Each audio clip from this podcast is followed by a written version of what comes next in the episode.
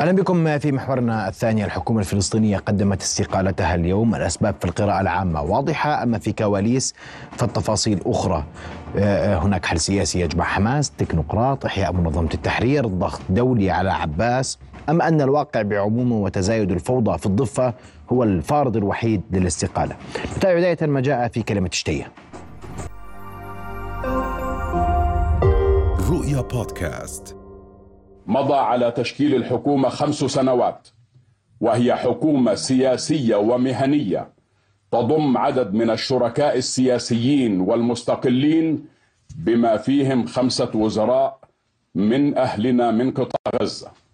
وعليه فإنني أرى أن المرحلة القادمة وتحدياتها تحتاج إلى ترتيبات حكومية وسياسية جديدة تأخذ بالاعتبار الواقع المستجد في قطاع غزة ومحادثات الوحدة الوطنية والحاجة الملحة إلى توافق فلسطيني فلسطيني مستند إلى أساس وطني ومشاركة واسعة ووحدة الصف وإلى بسط سلطة السلطة على كامل أرض فلسطين.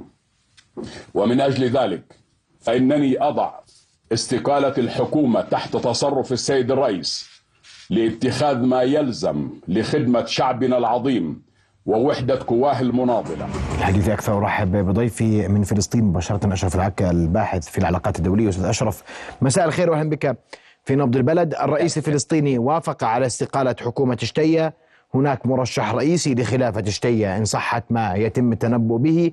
والسؤال لماذا اليوم؟ لماذا بعد أربع أشهر ونيف من الحرب تقدم يقدم شتية استقالته؟ وهل هناك يعني بوادر حقيقية لوحدة فلسطينية أو لحكومة وحدة فلسطينية؟ اولا بالتوقيت هي تداعيات هذه الحرب وهذه الماساه المستمرة يعني منذ أربع شهور وأكثر على شعبنا في قطاع غزة، وبالتالي هناك تحديات جرت وهناك تطورات سياسية وهناك ضغوط خارجية ودولية وهناك محاولة ما فلسطينية للاستجابة لتلك الضغوط ولكن في إطار ما يلبي احتياجات شعبنا وحماية شعبنا وحماية مؤسساته ومشروعه الوطني بهذا الاتجاه ولهذا أعتقد أن المطالب الخارجية والإقليمية كانت يعني كانت مهتمة عمليا بشكل وطبيعه النظام السياسي الفلسطيني وعلى راسه الحكومة ومن يقودها ومن هم أعضائها ووزرائها بهذا الاتجاه، ولهذا حاولت القيادة الفلسطينية اليوم وبهذا القرار وبهذا التوقيت استباق أي تدخلات دولية مفروضة على شكل وطبيعة النظام السياسي بل على اسم رئيس الوزراء واسماء الوزراء.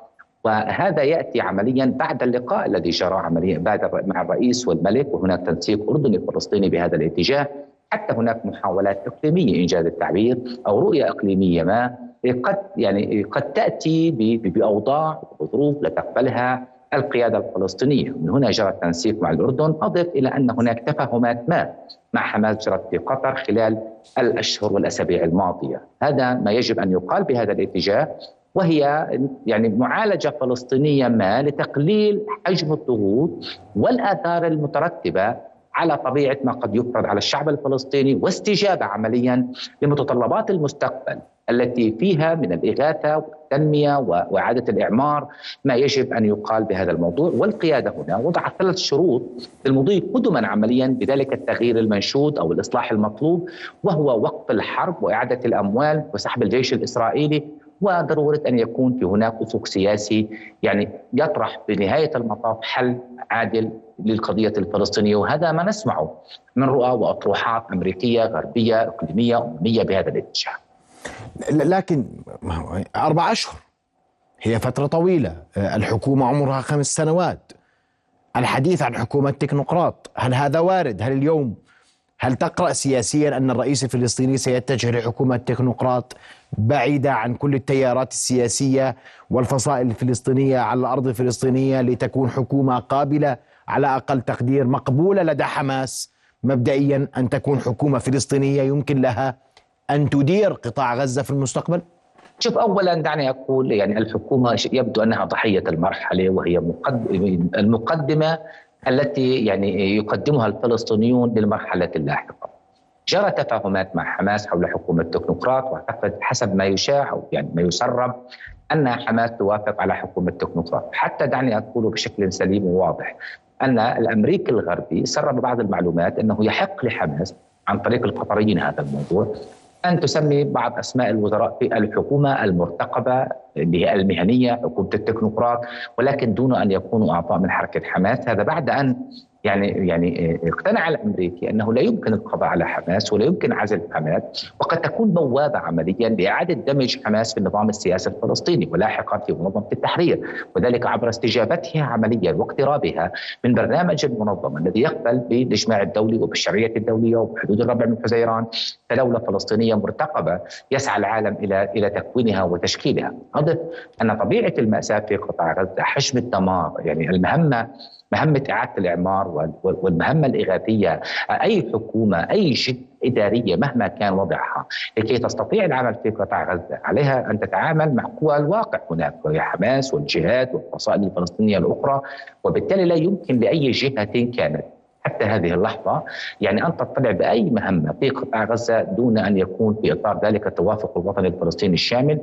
وأعتقد أن خلال الأيام القادمة أو الساعات القادمة سيكون في هناك لقاءات في موسكو، هذه اللقاءات قد تكون محطة مهمة في سياق البحث عن تلك الاستراتيجية والرؤية الفلسطينية الشاملة للتعاطي مع تداعيات هذه هذا العدوان، هذا عدوان شامل ليس فقط في غزة وإنما على الكل الفلسطيني. الضفه معرضه القيادة.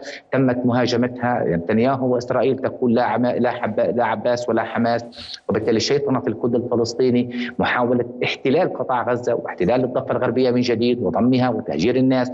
هذه تحديات كبرى تستدعي مسؤولية وطنية فلسطينية تاريخية يعني على الكل أن يكون بحجم التحديات والمسؤولية كبيرة وصحيح. طيب أستاذ نعم أشرف. تأخرنا نعم. كثيرا.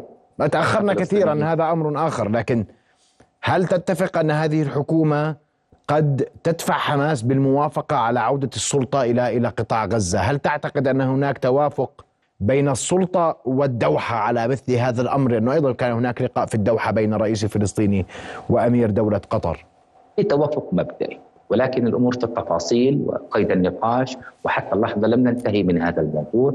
وأعتقد أن يعني إقدام الرئيس على هذه الخطوة أو رئيس الوزراء بالتوافق مع الرئيس بالتأكيد هي يعني إشارة للعالم والمنطقة ولحركة حماس أن القيادة ماضية بالتحضير للمرحلة التالية من أجل يعني الاسراع بإنقاذ شعبنا من يعني من تداعيات هذا العدوان، اعتقد أن جرى نقاش وهناك بعض التسريبات تقول أن آه، جرى هذا النقاش وهناك تفاهمات ولكن الخلاف على مرجعية الحكومة يعني هذه الحكومة من يعني آه، من سيكون مسؤول عنها، من سيتابعها، من سيحاسبها، من سيراقبها، هذا هو السؤال المفتوح الذي بقي قيد الخلاف ولم يعالج حتى هذه اللحظة، لكن دعني أقول مهمة أي حكومة ستكون صعبة معقدة، المسألة ليست سهلة، ويعني آه، آه، آه، وهذه الحكومة ستكون بس أستاذ أشرف إذا إذا لم يكن هناك اسمح لي أستاذ أشرف إذا أنت بتقول اليوم هناك توافق مبدئي لكن هناك خلاف على من سيدير هذه الحكومة ومن يحاسبها بمعنى أنه ليس توافق نهائي ولا يعني وحدة الصف الفلسطيني. يعني أنا بحكي معك بوضوح اليوم. اذا لماذا نعم نقدم نعم. لماذا يقدم اشتي استقالته اليوم؟ لماذا لا ينتظر إلى حين إبرام هذه التوافقات والاتفاقات والتوافق مع حماس والجهاد على أن هذه النقاط يمكن لها هذه الحكومة يمكن لها أن تكون حكومة وطنية تحكم الضفة والغزة. ومن ثم يقدم اشتي استقالته. أما أن تشكل حكومة اليوم وترفضها حماس ماذا غيرنا؟ لا جديد.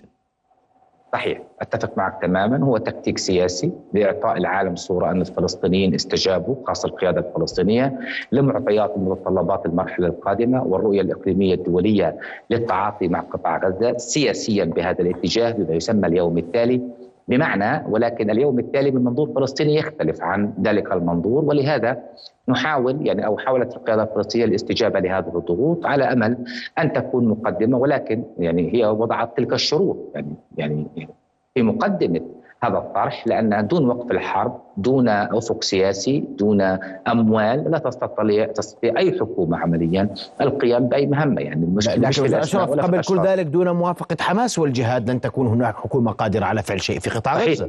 صحيح. صحيح صحيح وهي لا يعني وحماس وحماس والجهة المقاومة في غزة اليوم لا تتفق مع التوجه الدولي لليوم الذي يلي الحرب لأنها لا ترى نفسها اليوم في إطار المنهزمة أو المنكسرة أو التي ستقدم أي تنازلات من شأنها أن تضعف قدرة المقاومة وقوة المقاومة وما حقق في غزة في السابع من أكتوبر. صحيح وحتى القيادة الفلسطينية والكل الفلسطيني والشعب الفلسطيني لا يقبل باستثناء حماس والكل يتحدث عن أن أي مسألة لها علاقة في المستقبل والعلاقة مع حماس تأتي عبر الحوار والشراكة الوطنية وهذا هو ما يجب أن يقال بهذا الاتجاه.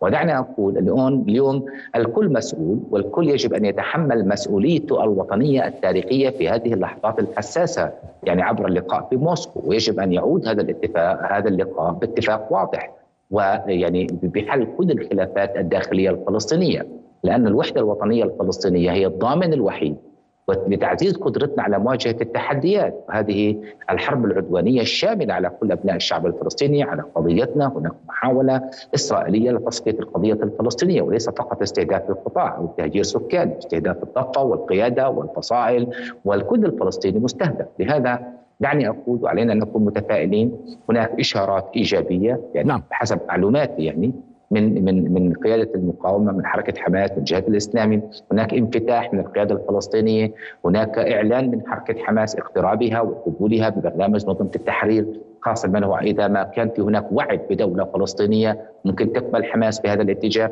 هناك مؤشرات إيجابية ولكن لا نستطيع أن نقول أن كل ما تم تقديمه سواء كان بالاستقالة من جهة أو بشكل الحكومة وطبيعتها نحتاج إلى كمان في هناك مطالب داخلية فلسطينية بضرورة أن يكون نظام حكم مستجيب وحكومة مستجيبة لقضايا الناس الاقتصادية والاجتماعية. الوضع الفلسطيني كله يحتاج إلى إنعاش جدي وإلى مرحلة مختلفة في الإدارة والحكم حتى يعني هذا قضية لا تخفى على بال احد. نعم أشكرك كل الشكر الشكر الباحث في العلاقات الدولية أشرف العكا كنت معنا مباشرة من رام الله شكرا جزيلا لك. رؤيا بودكاست